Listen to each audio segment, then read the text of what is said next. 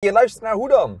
De podcast over hoe je naar een andere soort organisatie kan gaan. Moderner, vrijer, geen bureaucratie, geen managers, dat soort dingen. Er zijn veel organisaties die dat willen, maar niet precies weten waar ze dan moeten beginnen. En daarom hebben wij onze podcast Hoe dan genoemd.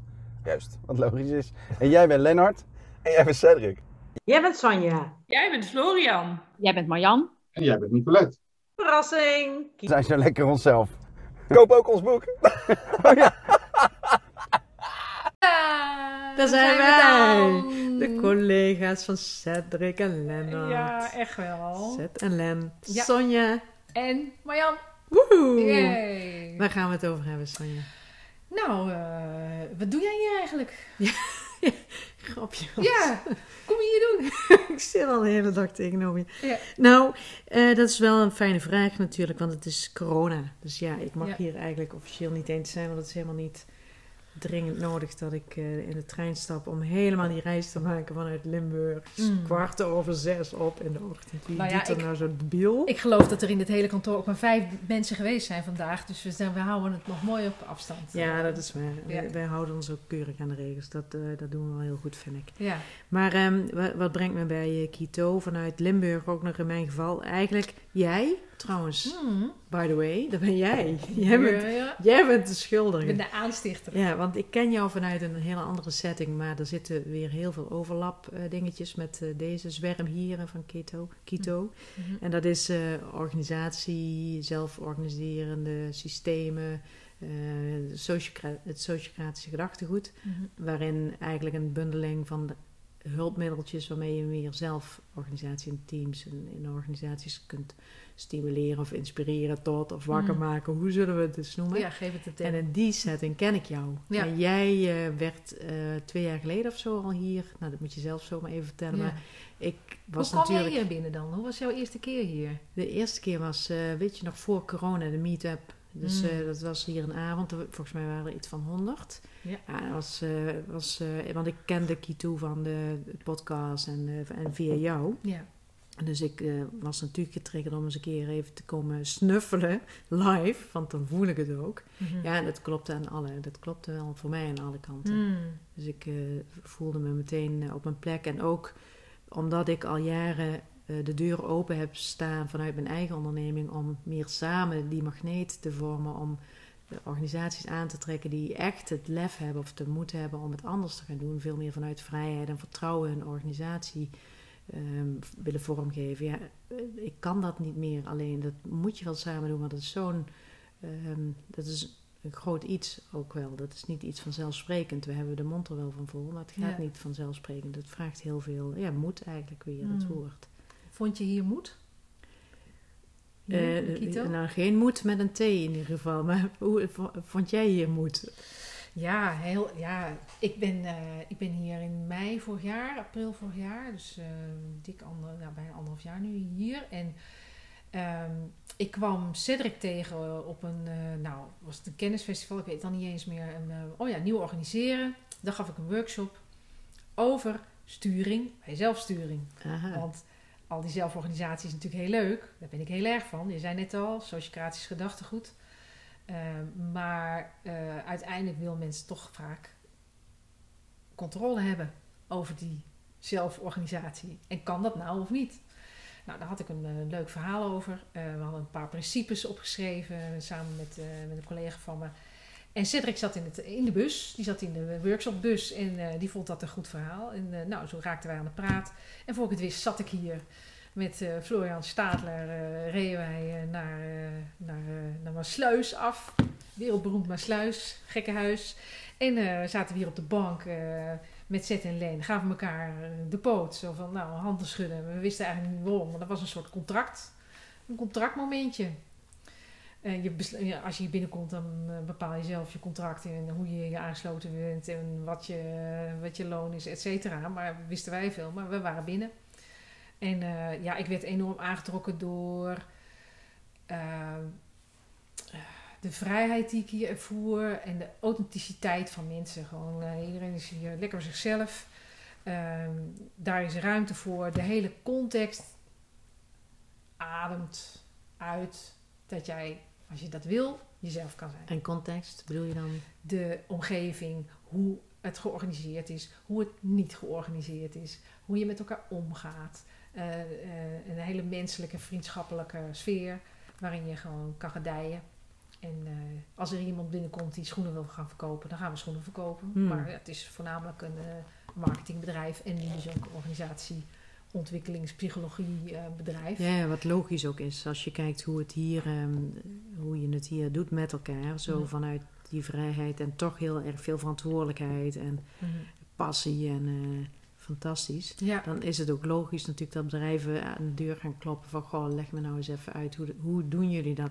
Hoe dan? Hoe doen jullie hoe dat? Hoe Nou doen ja. jullie dat nou? En nou, daar weten jullie als luisteraars alles van. Want dat is, zo is natuurlijk Lenne en Zet zijn zo hun hoe dan begonnen. Van, eh, nou, we willen wel even delen hoe dat gaat. Zo is het hier. wordt vrij gedeeld. Ook dat is heel aantrekkelijk. En voor mij, wat ik voornamelijk hier heb gedaan, is ontleren. Dus ik was al wat ouder, ik had meer werkervaring. Had al veel in het systeem eigenlijk gedraaid. Was helemaal klaar met het systeem. Maar hoe doe je dat dan? Hoe dan? Hashtag hoe dan? En ja, ik voelde dat hier mensen waren die ook op zoek waren naar nieuwe manieren. Eh, en dat ook echt deden.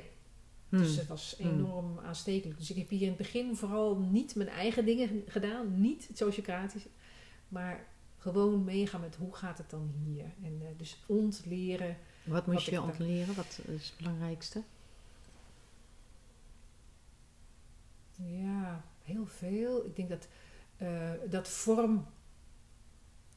Vorm is alleen maar behulpzaam. Maar niet leidend. eh, maar met name dat, dat als, je, als je echt je vrij voelt om te bewegen en te doen wat je in je donder hebt, dat dan de mooiste dingen gebeuren. Ja, ja. meest echt mooi. creatief. Ja.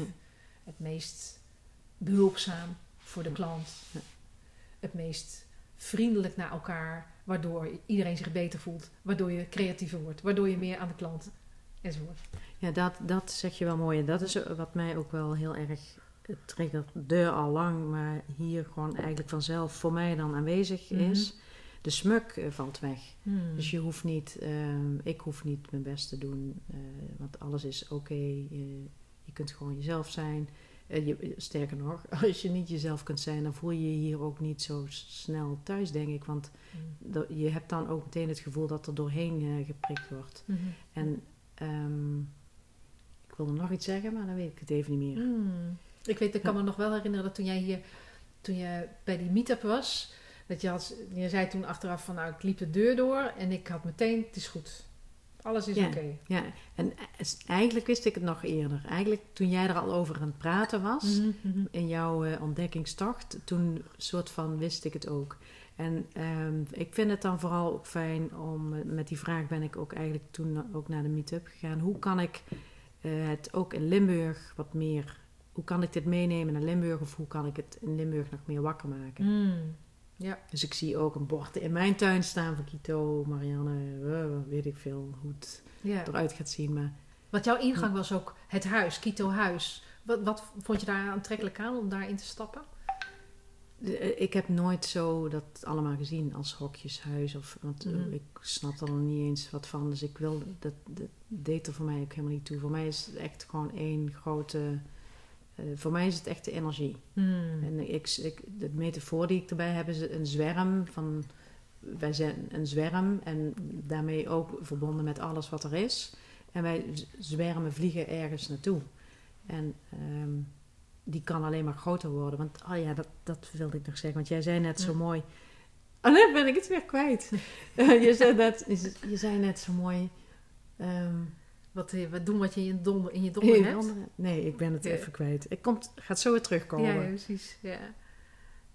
Oh ja, je zei van, en jij hoorde erbij. ja. En, en toen kwam bij mij op, dat, dat is niet eens eigenlijk een woord wat nodig is, of een zin wat nodig is, want iedereen hoort erbij. Hmm. Eh, en dat is misschien nog wel het mooiste wat ik hier ervaar. Het is niet eh, jij, wij, zij, het. eh, eh, iedereen hoort erbij. En Mhm. ja, kom vooral dichterbij. Of niet, is allemaal oké. Ja, nou dat vind ik ook wel mooi aan jou. Jij hebt, jij hebt inderdaad echt Kito als beweging, als positieve vibe, als uitdrager van dat het ook anders kan en mogelijk is. Dat heb jij echt helemaal omarmd. Meer inderdaad dan de losse entiteiten waar ook binnen gewerkt wordt. Hè, binnen Kito, eh, K of T of whatever. Maar jij bent echt gevallen voor... En dat heb je echt helemaal omarmd. Dat die, die positieve vibe, die positieve uitwerking, het, bereiken van mensen op menselijker organiseren. Ja, ik wil vooral gewoon een grotere, grotere sterkere magneet eh, creëren. Waardoor Ja. het eh, makkelijker wordt om mensen te inspireren. Ja, en waar wil je ze mee inspireren? Zo, wat is... eh Nou, het belangrijkste is wat ik net al zei van die smuk. Als je in organisaties komt en we mogen dat ja, nu dan even iets minder, maar we, we hebben natuurlijk heel veel eh, gezien van binnen. Dan, en ik heb zelf natuurlijk ook in die settings gezeten. Ik ben ook ontwikkeld daar waar ik nu ben. En ik ben er ook nog lang niet. Ik heb ook nog zo lekker veel te ontdekken. Maar we verliezen zoveel energie. En, eh, en eigenlijk, als je terugkijkt, is het altijd geneuzel natuurlijk. Maar Mm. dat is iets te kort door de bocht. Het kan echt wel simpeler. En eh, dat is gewoon lekker als, we, als ik daar eh, ook maar een klein beetje aan kan bijdragen, is dat gewoon fijn. Ja, mooi.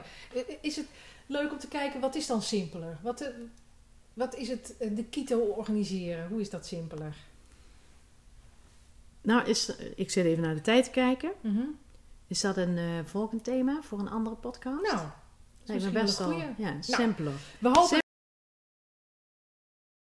organiseren. Precies, simpeler organiseren. We hopen dat jullie het leuk vonden dat wij ons eventjes hebben laten horen. Ze zeker.